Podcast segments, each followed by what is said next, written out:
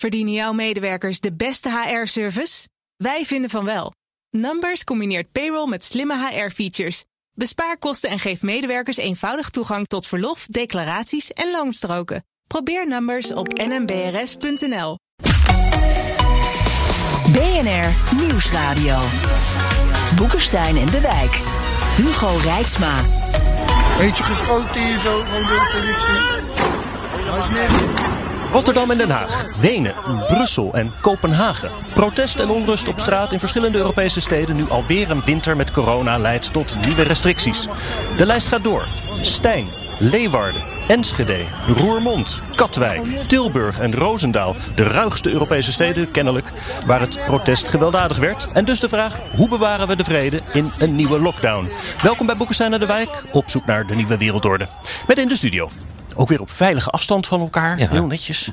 Arendt Boekenstein en Rob de Wijk. Onze gast is arts en hoogleraar. Hij stond als Londense ziekenhuisdirecteur daar aan de frontlinie van de coronacrisis. En is nu als voorzitter van wetenschapsorganisatie NWO terug in Nederland. En bij ons, Marcel Levy. Welkom. Dank je. Nou, um, we gaan weer in beperking. Paniek over een nieuwe variant. Had u er ook wat beters van gehoopt? Ja, absoluut. Ik had eigenlijk stille hoop dat we er zo langzamerhand wel waren. En dat we in het staartje van zo'n eh, pandemie uh, ons bevonden. Dat geloof ik overigens nog steeds. Maar uh, ja, ja bleef nu toch weer een heftige piek. Ja. En die had ik persoonlijk niet helemaal zien aankomen. Hoe kan dat toch? Ik vind dat wel opmerkelijk. Heb je nou zoveel doorgeleerd en dan uh, krijg je. ja, dat is een hele goede vraag. Want uh, daar had ik het met mijn collega's die hetzelfde hebben ook over. En wij kwamen er eigenlijk niet veel verder mee dan wij denken. Wij zijn gewoon optimistisch. Ja. En dan onderschat je dus dat er toch nog, weet je, 10% van de mensen niet gevaccineerd is. Maar en dan onderschat je dus dat 10% van de mensen nog altijd wel dat heel is veel heel mensen zijn. interessant wat je, wat je zegt. Want er is een KPMG-rapport uh, verschenen over uh, anderhalf jaar lessen leren uit COVID. En een van de lessen die geleerd werd, is dat we continu een optimistisch scenario hebben, uh, hebben gehad.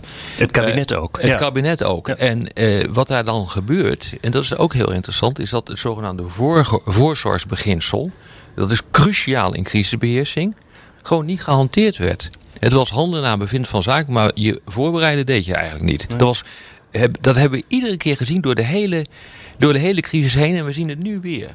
Ja. Is dat alleen maar toe te schrijven aan optimisme? Ja, en um, um, uh, om maar gelijk een ander heilighuisje um, te noemen.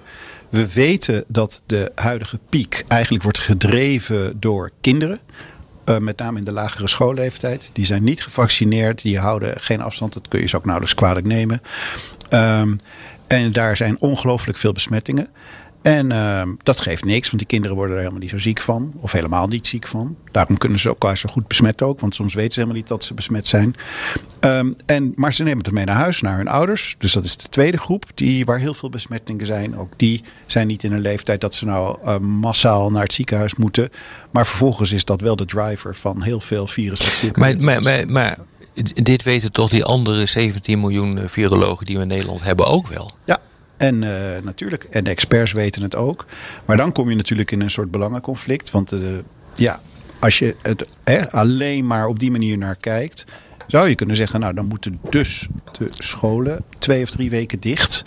Of we moeten een lange kerstvakantie hebben, of net hoe je dat wilt doen.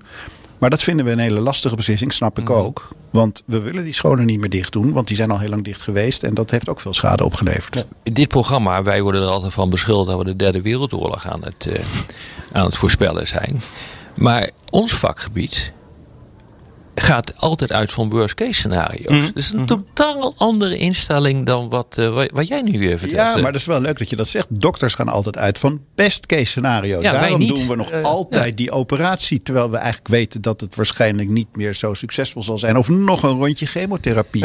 Want je weet maar nooit. Ja, Wie en weet als je in de internationale betrekkingen zit dan weet je dat je echt uit moet gaan van worst case scenario's. Doe je dat niet, Arend Jan? Oké, okay, maar laten we dan nu, laten we dan nu onze uh, nieuwe houding aannemen. We gaan even van worst case scenario's uit. En, en, en dan kun je voorspellen dat. bekend uh, terrein. Ja, een virus wil natuurlijk kan overleven door gewoon nog besmettelijker te worden. Dat, is, dat kun je van virologen ook leren. Nou, we hebben die Zuid-Afrikaanse variant al. Laten we er even van uitgaan dat we dat krijgen we dus in Nederland ook. Dat betekent dus dat we met een virus leven dat buitengewoon besmettelijk is. Dat betekent dat we onze hele leven moeten gaan aanpassen. Met grote gevolgen voor onze economie. Maar is het dan. En dan kan er ook nog een dodelijker variant ontstaan. Ja, maar dan, dan, heb je, dan, dan mis je één woord, wat hier denk ik wel cruciaal is. En dat is het woord vaccinatie. Ja. Want we hebben de meest schadelijke, dodelijke, afschuwelijke virussen er met vaccinatie onder gekregen. Ja. Of soms zelfs helemaal uit weten te roeien. Dus ja, ik denk dat die, dat, dat nog steeds staat als een huis. Ja. Maar niet iedereen laat zich vaccineren. Ja, dat is ook een probleem. Maar even, even op deze lijn door, want dat vind ik interessant. We hebben een- nu, ik heb een vaccin, twee keer, en ik zit te smeken op een booster. Die is gebaseerd op de alpha-variant. hè. Gelukkig doet die het ook voor de delta-variant. hè. Stel even de worst-case scenario. De nieuwe variant, die, die ontglipt dus aan de immuniteit die je krijgt van dat vaccin.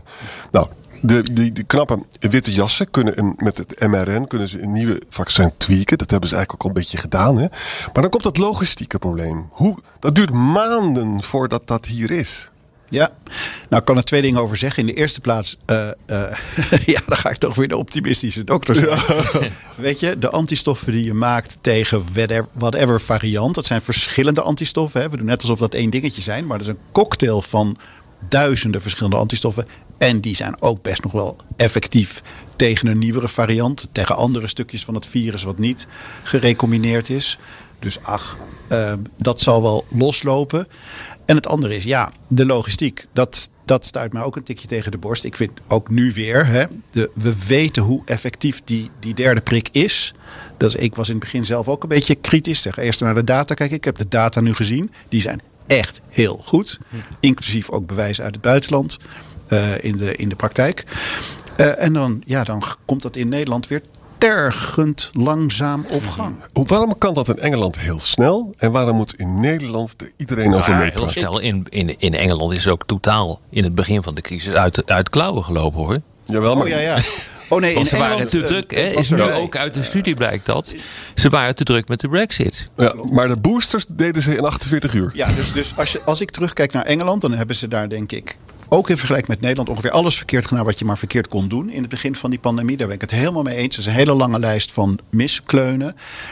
En, maar dat is dan misschien toch weer ook het politieke instinct van Boris Johnson. Toen kwam de vaccinatie en toen dacht hij: dit is mijn redding. Want Ja. dit wordt een drama met allemaal onderzoeken. En daar heeft hij ook zichzelf, maar ook wel, moet ik zeggen, het land een grote dienst mee bewezen. Dus Boris Johnson, die hoor je en zie je elke dag op de televisie. En die heeft het drie keer per dag over vaccinatie. Dat is gewoon zijn, zijn absolute ja, reddingsboei. En En Rutte spreekt daar nooit over. ik heb Rutte het woord vaccinatie nog nooit in de mond horen noemen. Heeft hij volledig geoutsourced naar de minister van VWS. Als we eens naar die andere landen kijken, hè, want dat doen wij in dit programma, zijn die dan bijvoorbeeld ook wat minder optimistisch geweest? Of zie je daar een, een, andere insteek die, die beter heeft gewerkt? Ja, dat, dat, per land maakt dat heel veel uit wat je doet. En dat hangt in belangrijke mate af van hoe een land politiek georganiseerd is en wat het vertrouwen is in de regering. Eh, Nederland is natuurlijk een, ja, is een polderland. En wij vinden dat het woord samen. Eh, dat, dat, dat was echt, eh, dat klonk voortdurend ook uit de mond van, eh, van Rutte. Eh, dat is natuurlijk allemaal heel leuk, maar dat staat haaks op de beginselen van crisisbeheersing. Dat is helemaal niet samen. Dan moet je gewoon commanderen. Dan moet je zeggen van, Ja. en zo gaat het gebeuren en voor de rest geen gezeur. En ook niet vaccineren is een mensenrecht in Nederland. Hè? Ja, ja dus dat is typisch Nederlands. Dus dat verklaart in zeer belangrijke mate waarom het ook vooral wat traag op gang komt. De oeverloos geouwehoer eh, met, de- met de buitenwacht om iets voor elkaar te krijgen. Dat is echt typisch Nederland. In Frankrijk is dat heel anders. In Frankrijk, eh, dat is heel erg eh, eh, interessant. Daar, nou ja, Fransen die protesteren om van alles en nog wat. En grappig genoeg, nu zie je eh, dat ze nou, ze protesteren niet erg, want op dit punt protesteren, ja, gaan de Fransen de straat niet op. Maar zie je dat de Fransen bij de regering aandringen, het mag nog wel een tandje sterker. Ja. En het wordt niet nageleefd. Dus hier zie je dat er een hele andere manier is van kijken naar de centrale overheid. Nou, en ga je naar Polen toe, dan is het weer anders. Want daar vertrouwen ze de regering niet. Dan zeggen ze, ja, die regering, wat die doet, eh, dat vertrouwen we niet. Want die, eh, die, die heeft toch al geen democratische trek. En die wil ons gewoon echt onder de duim krijgen. Door middel van eh, die, die COVID-campagne die ze aan het voeren zijn. Dus het hangt er maar net- vanaf in welk land je zit. Ga je dan vervolgens kijken naar... wat is de effectiviteit in termen van, laten we zeggen, neergang eh, van de economie of eh, de oversterfte? Nou, dan moet je, zeg, moet je toch constateren dat veel van die landen ongeveer wel allemaal in, in hetzelfde gebied zitten. Hè, Nederland scoort iets slechter eh, dan het OESO-gemiddelde. Ehm, ja, Italië scoort nog iets slechter. Maar eigenlijk ligt het allemaal wel vrij dicht bij elkaar. En grosso modo neemt ongeveer iedereen wel dezelfde maatregelen. Alleen nog zo worden nageleefd. is weer een ander verhaal. Maar even over Frankrijk, dat is interessant. Hè? Het is denk ik niet waar dat de Fransen meer vertrouwen hebben in de staat dan de Nederlanders. Wat wel waar is, is dat de Fransen bang zijn voor de sterke arm van de, van de regering. Ja, nee, dat klopt. Want de, de gendarmerie, ik bedoel, daar ben je inderdaad uh, wel redelijk bang voor. Want die, ja. dat is niet oma agent, maar die vertegenwoordigt de staat. Het is echt wat anders. Die moet de staat beschermen, niet de burger beschermen. Dat is echt anders. Nee, maar 89% van, uh, van de Fransen, dat is echt uh, heel, heel bijzonder. Die vindt dat de regels oké okay zijn of nog wel een tandje sterker mogen. En, dat, en daarmee is Frankrijk echt totaal anders dan andere landen in Europa. BNR Nieuwsradio. Boekenstein en de Wijk. Op zoek naar de nieuwe wereldorde. Dit is Boekenstein aan de Wijk. En dat programma is natuurlijk niet zonder Arend-Jan Boekenstein en Rob de Wijk. Mijn naam is Hugo Reitsma en onze gast is arts en hoogleraar Marcel Levy. We hebben het over uh, maatschappelijke onrust, uh, het coronabeleid. En we hadden het net over de Franse vertrouwenscijfers. In Nederland uh, zag je, dat was een bericht van een paar weken geleden, universiteiten die een onderzoek hadden gedaan, dat het vertrouwen in de overheid sinds het begin van de coronacrisis is gedaald van 69% naar 29%. Oh, ja, ja. En men nee, had het ja. dan zelfs al over een low trust society. Ja, dat is onzin. Dat kan je niet zeggen, want dit zijn dagkoersen. Uh, dat uh, als dit voorbij is, dan uh, gaat dat weer omhoog. Dat mag je no daar mag je dat, dat soort conclusies nooit aan. Dat vertrouwen lijkt me maar, wel belangrijk. Dat vertrouwen is belangrijk, maar wat nog veel belangrijker is, dat is de fragiliteit van landen. Uh, en die zie je overal in de wereld zie je die afnemen. En het meest interessante is dat Amerika is het, daar is de teruggang van, van stevigheid, de toename van fragiliteit het allergrootste van de hele wereld. Maar uh, vlak ook Spanje niet uit en vlak Roemenië niet uit en heel interessant vlak België niet uit. Maar ook Nederland is behoorlijk gedaald op, uh, op de index. En dat heeft allemaal met COVID te, maken. Dus uh, dat je overal mensen de straat op ziet gaan, dat blijkt ook uit de cijfers. En ja, dat is heel erg verklaarbaar natuurlijk. En als je ook gewoon kijkt ja, hoe het vertrouwen in de regering is, maar ook hoe het politieke systeem in elkaar zit.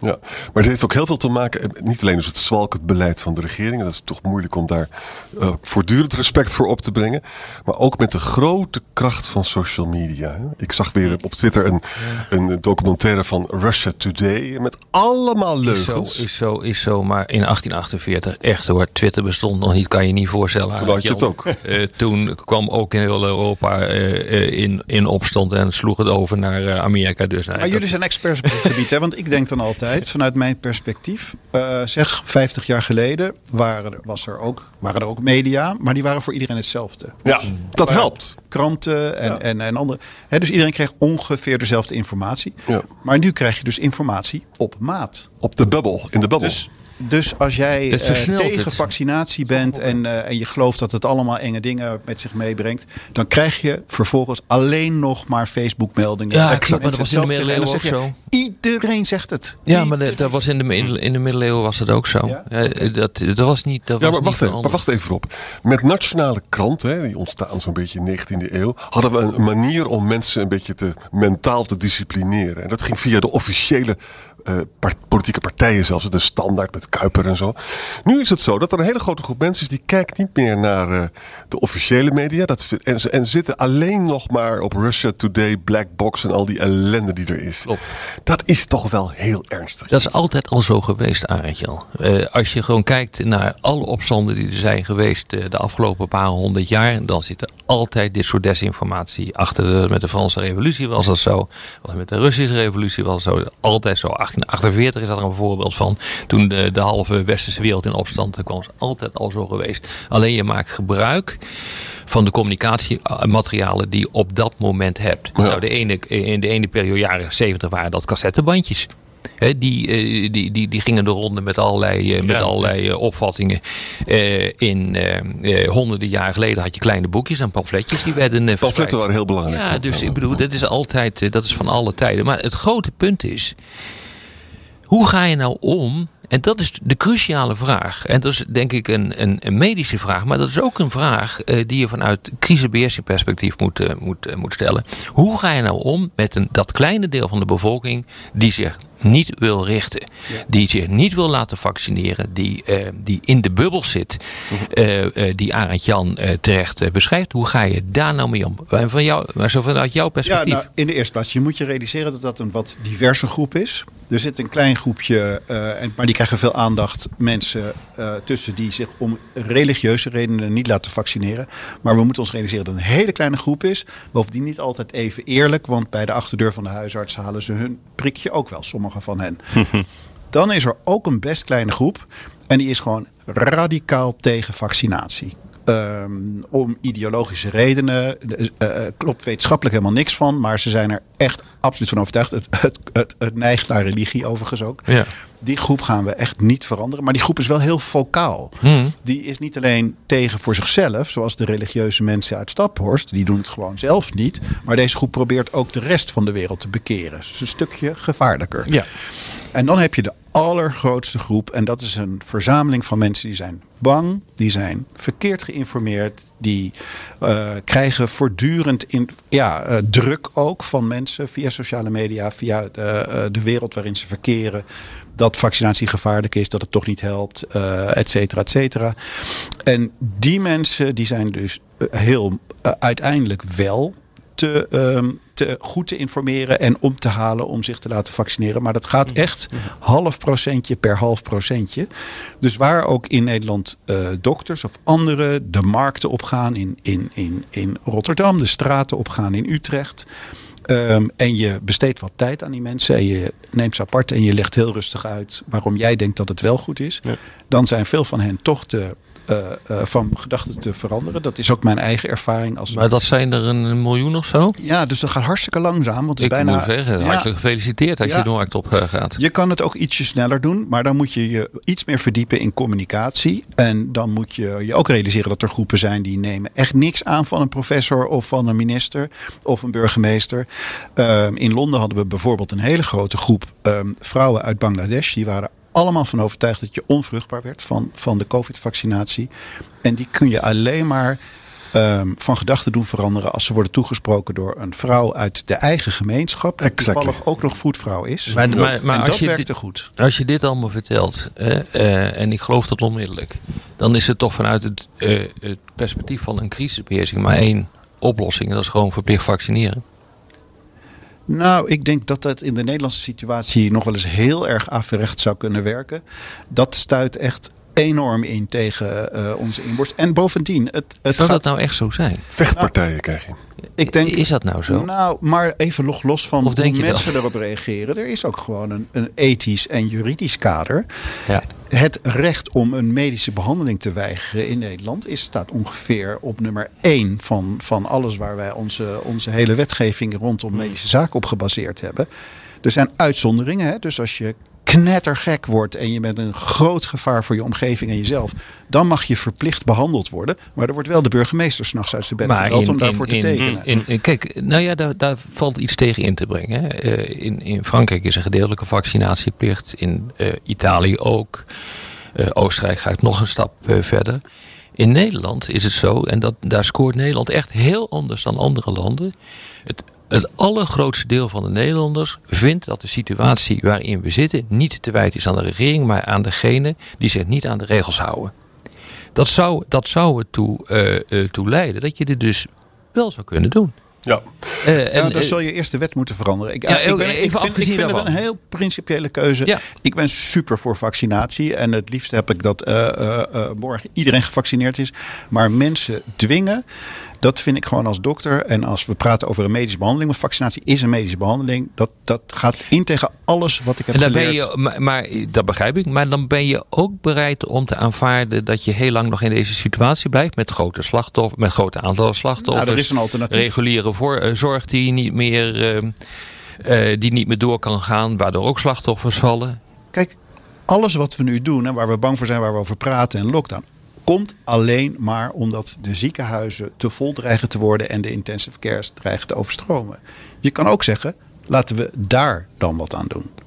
Dan gaan we alles op alles zetten om onze intensive care capaciteit anderhalf keer of twee keer zo groot te maken, dan is de hele discussie over lockdown is weg. Maar wacht even, maar even heel principieel. Hè. Ook juristen eh, vertellen mij dat grondrechten zijn nooit absoluut. Hè. Nee. Die kunnen dus... als- maar- en en, en, en ja, je zou ook gewoon kunnen zeggen van... er is een spanning tussen lichamelijke integriteit en veiligheid. hè. Als mijn vrijheid die van jou gaat schaden, dan worden er beperkt. Ik mag niet zo- beschonken in de auto gaan Zo zitten. hard is het niet, hè?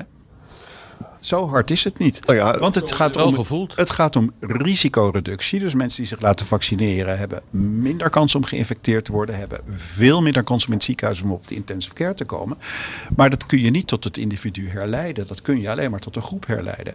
En is zo'n groepsrisico dan voldoende om individuen te dwingen om zich te laten behandelen? Ja, grappig genoeg heeft het dus niet geleid in de landen die ik net heb genoemd tot enorme opstanden. Nee. De, in Frankrijk is er wel enorm geprotesteerd. Oh, dat willen we niet.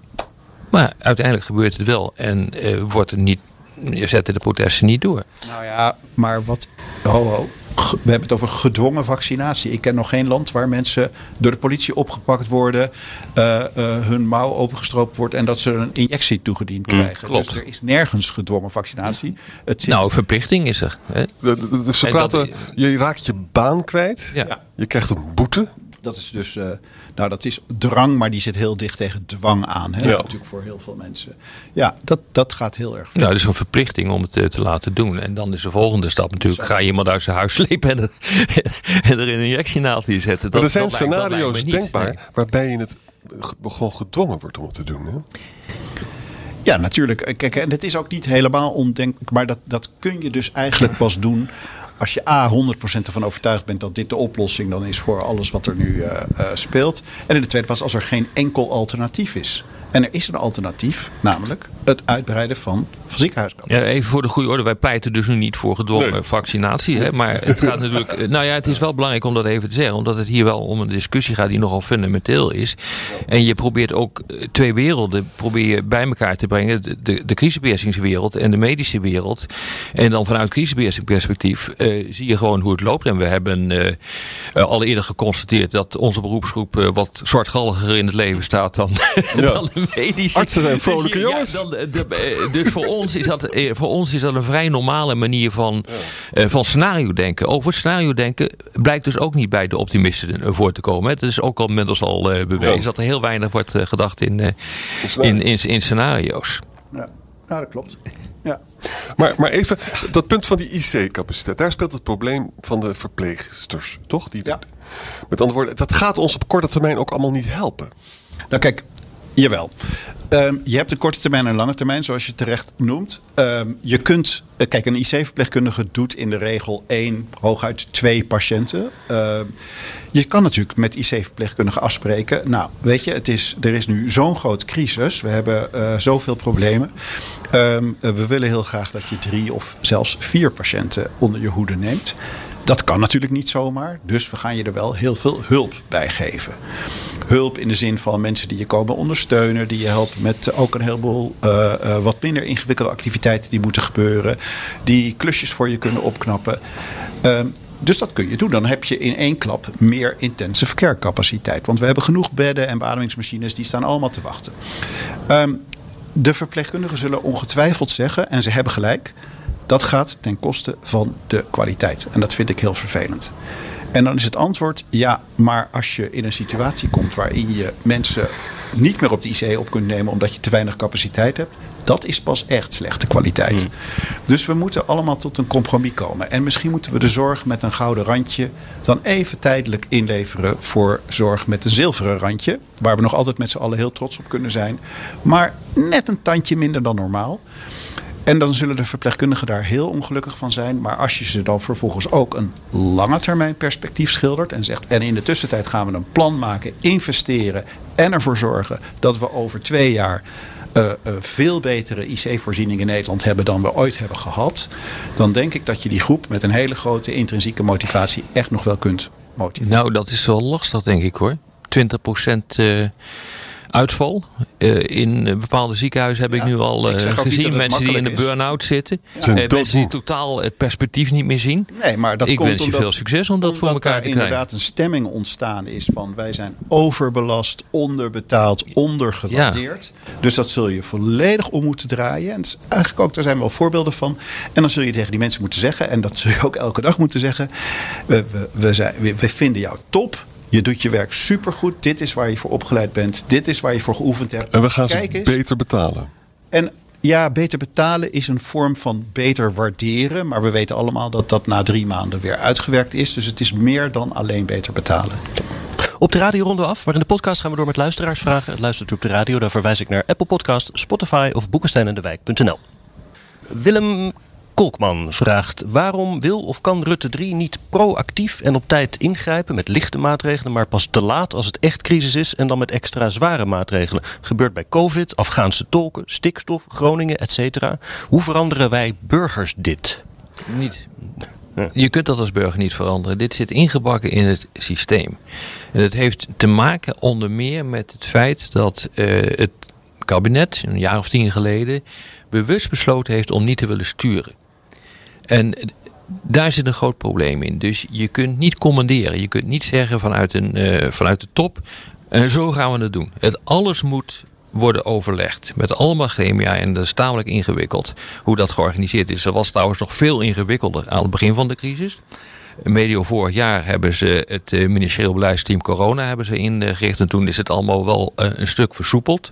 En, en, maar maar het, het punt blijft dat, eh, dat de jongen niet in staat is, of, of Rutte niet in staat is om top-down te sturen. Ja. Eh, eh, daar, zit een, daar zit een gigantisch probleem in. De wettelijke bevoegdheden he- hebben ze, maar het wordt, er is bewust afstand van gedaan een aantal jaren geleden.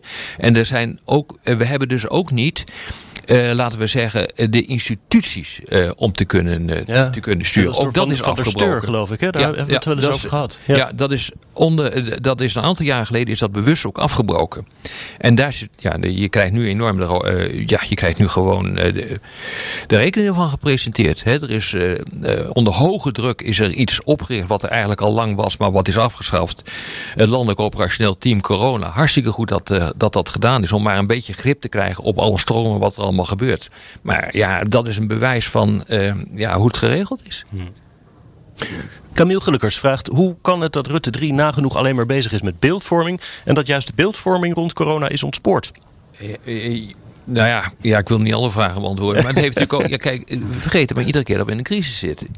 Eh, Dus eh, even eh, in het voordeel van het, eh, van het kabinet is dat je gewoon je maatregelen moet nemen terwijl je bijna geen gegevens voorhanden hebt. Het is, het is handelen naar bevind van zaken. Het is voortmodderen. Eh, de helft van de maatregelen die zijn fout. De helft is goed. Dat is normaal in een crisis. Hè, daar is geen draaiboek voor. Het is geen ramp. Voor een ramp is een draaiboek, maar voor een crisis is geen draaiboek. Meneer Levy, u ergerde zich ook wel aan de manier van communiceren van het kabinet. Hè? Nou, de, de, de- die systematiek van eh, gut, het gaat niet goed. We doen over een paar dagen een persconferentie. Ehm, dan eh, een dag voor de persconferentie lekt alles uit. Zodat iedereen al eh, zijn opwinding kwijt is op het moment dat ze dan het echt voor de camera zeggen. Dat irriteert me verschrikkelijk. Ik heb namelijk de hele tijd gewoon als burger hè, het gevoel dat ik gewoon gemanipuleerd word. En dat voelt vervelend. Dat kun je één keer doen, maar niet eh, zes keer achter elkaar. En dan heb ik het nog niet eens over die cacophonie in de tussentijd. Waarbij individuele OMT-leden, adviseurs van de regering, hun eigen mening geven. Die diametraal ingaat een tegenover andere. OMT-leden. Ja. Dat de minister daar dan weer op gaat reageren. En een totaal communica- gefragmenteerde kamer, Arend Jan. Oh, die zijn plas daarover Maar moet uit doen. communicatie-oogpunt, dit is niet mijn expertise, maar gewoon denk ik, dit, dit, dit kan niet stommer gewoon. En dan in het buitenland gaat dat toch echt Ja, dat vind ik ook. georganiseerder. Ja. Ja. En wat ook een rol speelde, kijk, ze hoopten ontzettend dat ze met dit vaccin de economie draaiende konden houden. Dus voor de VVD is het natuurlijk heel belangrijk. Het MKB, ze voelen allemaal die adem in hun nek. Hè? Maar goed, ze hadden ook wel kunnen bedenken, nou, vrij snel wordt verteld, een vaccin betekent nog steeds dat de transmissie doorgaat, dat de besmetting doorgaat. Ze kunnen ook bedenken dat er een vrij harde groep van ongevaccineerden is. Dus dan had je moeten denken van, oh, dit wordt een hele andere Ja, wereld. maar dan moet je scenario gaan denken. We hebben net geconstateerd dat dat niet gebeurt. Althans, in onvoldoende mate. Ja, ik vind dat ook onvoorstelbaar hoor. Ik hoop dus nou dat bij de volgende persconferentie dat we een lange termijn perspectief krijgen. Dat Rutte eerlijk zegt, dit blijft nog jaren onder ons. Dit gaat ons leven veranderen. Er komen misschien ook nog ergere varianten aan. Maar we gaan proberen op zo'n intelligent mogelijke manier toch proberen die economie een beetje draaiende te Ja, houden. dan moet je geen optimist als Rutte hebben, Arend Jan. Ik bedoel, Jij kent hem goed. Ja, maar het is, je, je kunt niet, je kunt niet met, met, met eh, dansen bij Jansen het gaan redden in deze crisis. En de crisis betekent dat je het ook. eh, Mensen nemen, nemen het ook. eh, st- vinden, stel het op prijs dat je de waarheid vertelt. hè? Ja, en, en een gewoon ander ding. Kijk, eh, doordat dat virus grillig is en doordat die pandemie. Ja, dat niemand daar ervaring mee heeft. Je zegt net, neem je wel eens een verkeerde beslissing. Of Ja. een beslissing waar je op terug moet komen. Tuurlijk. Ik denk dat de meeste mensen dat echt wel snappen. Ja, en dat ook echt wel tolereren. Ga je Maar toegeven ook? Zeg dat dan. Precies. Zeg dat. Zeg dan gewoon, sorry. We hebben een fout even gemaakt. niet goed gezien. Ja. Sorry, maar dat had misschien niet onze schuld. Want niemand had het goed gezien. Maar we hebben het niet goed gezien. We gaan het anders doen. Maar de, het, die, die, dat sorry, dat mis ik ook heel veel. Ik ook. Ja. En als hij het dan doet, sorry dan komt het er zo lullig uit. Als je niet meer bij de VVD zit, kan je ook echt alles permitteren over Rutte. Ja, maar het is echt waar. Dirk Kwakkel vraagt: waarom hebben medici zo'n prominente rol in de besluitvorming? Ze weten wellicht hoe dingen medisch zitten, maar de wegingen die leiden tot politieke beslissingen zijn niet enkel van medische aard. Ook hier zit een medicus in de uitzending. Waarom geen gedragswetenschapper? Nou, we zijn blij dat u er bent. Maar... Ja, dat wordt ook Nou ja, ik, ik ging niet over het uitnodigingenbeleid. Ik ben ook blij dat ik er ben. Maar, eh, maar ik vind het wel een goede opmerking, als ik heel eerlijk ben. Want toen de crisis begon en al die ziekenhuizen inderdaad overstroomd werden, IC's overstroomd werden, we allemaal geschrokken. Natuurlijk dat je dan een setje hele slimme virologen, dokters, intensive care artsen bij elkaar zet. We zijn inmiddels wel bijna twee jaar verder. Dus, en we hebben heel veel geleerd. Dat de impact ook op een heleboel andere onderdelen van de samenleving belangrijk is. En ja, die mensen, eh, daar hebben we ook experts op dat Ja. gebied. En dat is niet alleen maar gedragswetenschap hoor. Dat is ook gewoon Crisis. experts op het gebied van crisisbeheersing. Hoe doe je dit? En, en, en kijken naar het buitenland. Want soms lijkt het wel of- alsof we op een eiland eh, leven. Dat er in het buitenland helemaal niks gebeurt. Weet je Rob, wat ik hier ont- ontzettend interessant aan vind, ook sociologisch gezien. Dit heeft ook te maken met de status van beroepen. Hè? De medische stand ja, dit zit, zit vrij hoog in de boom. Hè? Marcel Levy zegt, hebben we u tegen. Een sociale wetenschap zit kennelijk toch iets lager. Hè? Dat vind ik heel interessant hoe dat werkt dan. Nou, ja, dat is ook een element. Maar ik, wat mij tegenvalt is dat we weten allemaal, daar hebben we namelijk ook in de wetenschap de mond vol van, dat multidisciplinariteit, dat, Precies. dat de kwaliteit van de discussie, van Ja. de wetenschap, enorm verhoogt. Maar dat brengen we dus totaal niet in de praktijk. Ja, maar het is ook bijna onmogelijk om het te doen. Overigens hebben wij in dit programma voor het eerst een medicus over corona. Eerder hadden we juist mensen, economen, experts op het gebied van crisisbeheersing. Dus wij doen het net even wat anders dan de, dan de andere programma's. Ik denk dat het hem daarin zit. We hebben een keer eerder Ja, een viroloog gehad. breekt de derde wereldoorlog natuurlijk dan nooit Nee, uit. we hebben een viroloog gehad in 2019 over Ja. het onderwerp de volgende pandemie. Dat Ja. is een goed gekozen. Ja, Wij lopen altijd voor de golf. Maar ook daar zit een hiërarchie in. Want de meeste dokters die echt in het ziekenhuis staan en met echte levende, eh, eh, hele zieke patiënten werken, die zeggen ja, zo'n viroloog, die zit gewoon in het lab. Ja. Ja, ja. Maar die heeft nog nooit een patiënt gezien. Ja.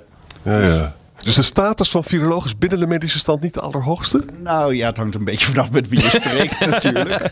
Maar er zijn, als mensen het er niet mee eens zijn, zal het eerste zijn wat ze zeggen is... ja, nou, kom eens kijken bij ons op de intensive care. Daar kom jij nooit.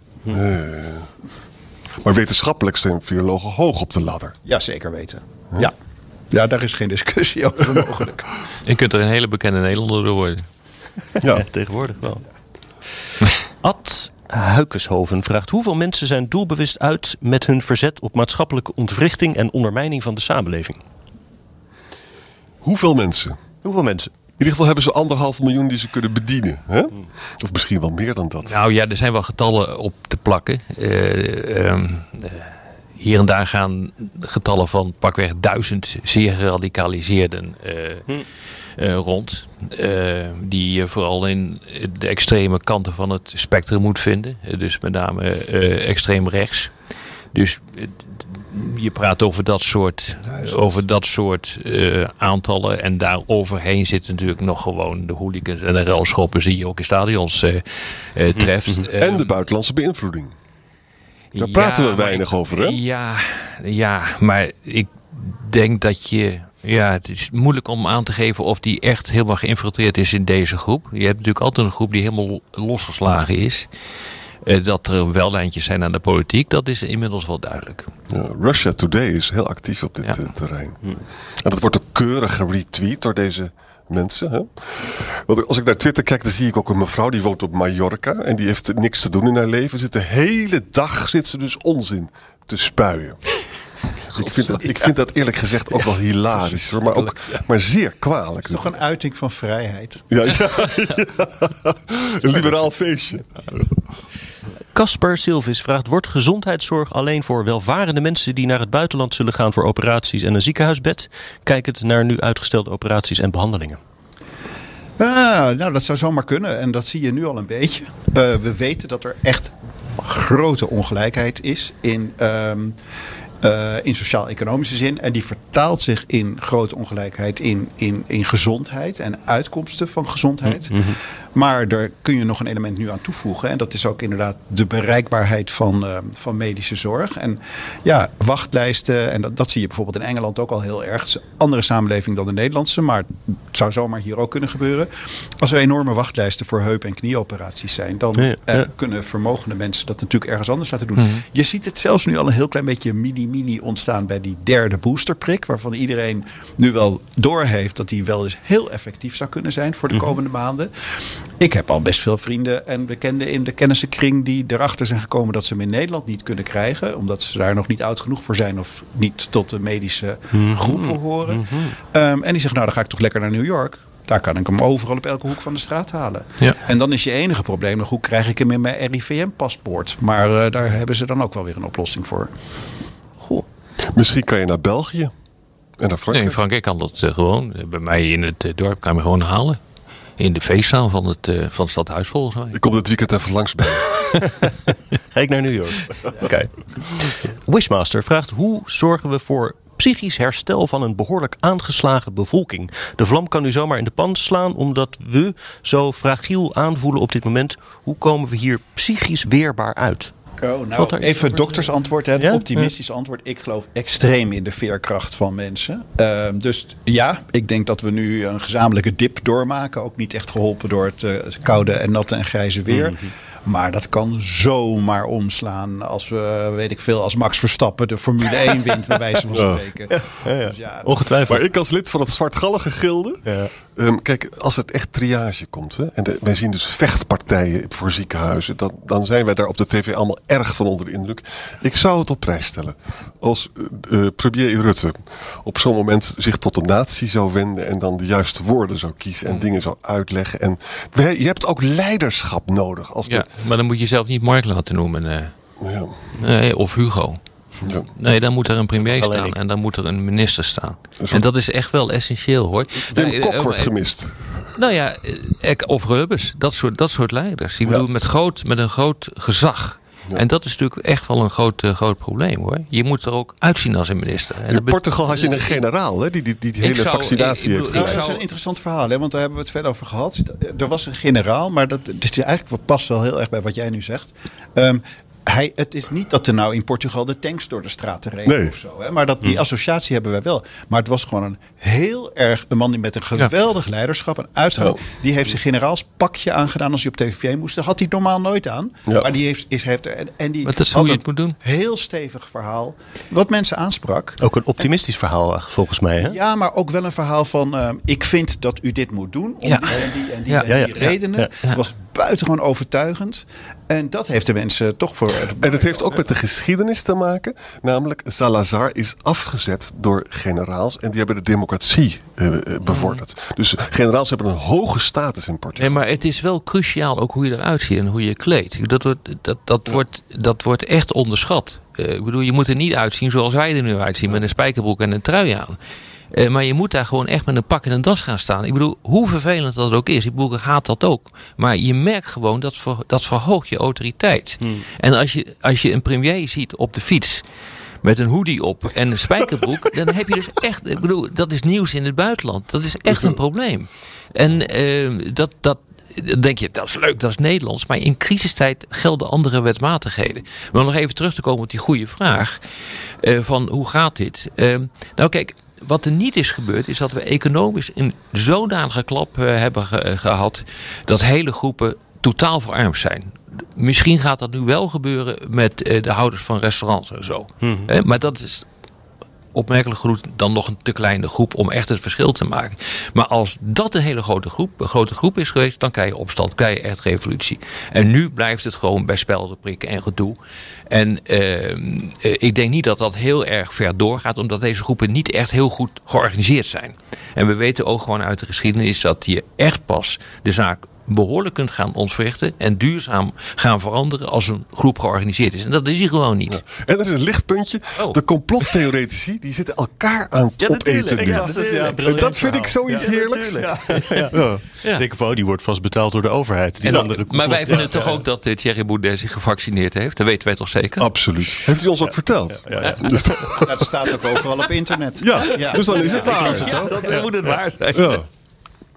Ruben van Galen eh, zegt corona legde de oude wereldorde plat, in elk geval tijdelijk. En we zijn nog lang niet klaar met virussen als deze. Vrijheden ingeperkt verzet en spanning in de liberale samenleving. En welk type leiderschap of samenleving profiteert uiteindelijk van eventueel lang voortdurende chaos als deze? Nou ja, een, een, een, een leider die echt autoriteit uitstraalt, die kan hiervan, eh, die kan hiervan profiteren. Ik zie hem alleen niet. Niet in Nederland. Nee, maar ook in het buitenland niet. En dat, dat kan verklaard worden door het feit dat we bijvoorbeeld hier in Europa gewoon vanaf de Tweede Wereldoorlog alleen maar een opgaande lijn hebben gehad met betrekking tot veiligheid en, eh, en welvaart. En dat, dat brengt een bepaald type leider met zich mee. Het is totaal anders dan, eh, dan Rusland en China, waar je dus wel dat soort leiders hebt. Ja, het zijn mijn leiders niet. Ik moet er niet aan denken dat je zo iemand. Maar dat zou niet kunnen. Een, een Rutte zou nooit de baas in Rusland kunnen worden. Ja. En Poetin zou nooit de baas in, eh, eh, in een Europees land kunnen worden. Dat kan gewoon. Maar weer even Behalve licht- in Hongarije Maar weer even een lichtpuntje. Kijk, Forum heeft hij natuurlijk baat bij. Maar het interessante is dat Nederlanders zijn niet gek. Hè? Hij is nu dus gedaald tot vier zetels. Hij heeft zichzelf aan het opblazen. Dus de, de grenzen aan de gekte die komen ook in zicht. Heel geruststellend. Ja, Ja, mensen, eh, ik, ik ben het er wel mee eens hoor. Eh, Nederlanders, maar mensen zijn veel weerbaarder dan je denkt. ja. Meer? Misschien nog eentje, want ik vond dat zo'n stimulerende vraag van Bobby Jagernat. Die, eh, die vraagt: Stel, het coronavirus is opzettelijk losgelaten. Zou het huidige resultaat dan als geslaagd beschouwd kunnen worden? Eh, nee. Vraag dat maar aan de Chinezen. Stel je voor dat dat zo is. En, eh, en, dan moet je toch constateren dat uiteindelijk eh, China geprobeerd heeft om van deze crisis eh, gebruik te maken. Eh, maar dat heeft geleid tot zoveel pushbacks. dat ze er uiteindelijk niet veel beter door zijn, zijn geworden. En eh, dat begint zichzelf nu ook te realiseren, want eh, de groeicijfers lopen terug, de repressie loopt op. Eh, je ziet dat de tech-industrie op dit ogenblik aan banden wordt gelegd. Lockdowns hebben hun, hun effecten niet, niet gemist. Dus eh, nee, nou ja, wat ik in mijn laatste boek ook heb geschreven over de slag van Europa. eh, in Europa is het gewoon evident dat de Chinezen niet bereikt hebben wat ze wilden bereiken. Dus als het inderdaad, hè, het is een leuk gedachte-experiment, zo is dat dat virus opzettelijk heeft verspreid, dan heeft dat in grote delen van de wereld, althans voor China, averechts gewerkt. Maar nog even een tegenargument. Het is natuurlijk wel zo dat een surveillance staat hè, met al die camera's en al die sensoren in een wereld die geteist wordt door pandemie een voordeel heeft. Dat is natuurlijk wel waar. Ja, maar dat is ook zo. Alleen eh, het, eh, het, het, het, het is een vehikel om de interne repressie te vergroten. Maar tegelijkertijd zie je gewoon pushbacks in de hele wereld tegen dit gedrag. Nou, dat is, dat is gewoon echt gebeurd. Ja, bedoel, als je kijkt wat de Europese Unie heeft doorgemaakt, de Amerikanen hebben doorgemaakt. En zeggen van even, we willen even niks meer met deze mensen te maken hebben. Even heel kort de bocht eh, gezegd. Eh, daar moet Xi Jinping zich toch echt wel even voor, voor achter de oren aan te gaan, gaan krabben hoor. Zullen hier nog veel over praten, Rob. Ja. Wij zullen er dus in elk geval redelijk uitkomen, begrijp ik, eh, van de arts. eh, Zo gauw eh, Max Verstappen weer een race. Ja, is eigenlijk niks aan de hand. Dit was weer Boekenstein en de Wijk. Namens Arend-Jan Boekenstein en Rob de Wijk zeg ik dank voor het luisteren. Speciale dank aan Marcel Levy voor zijn doktersoptimisme. En tot volgende week.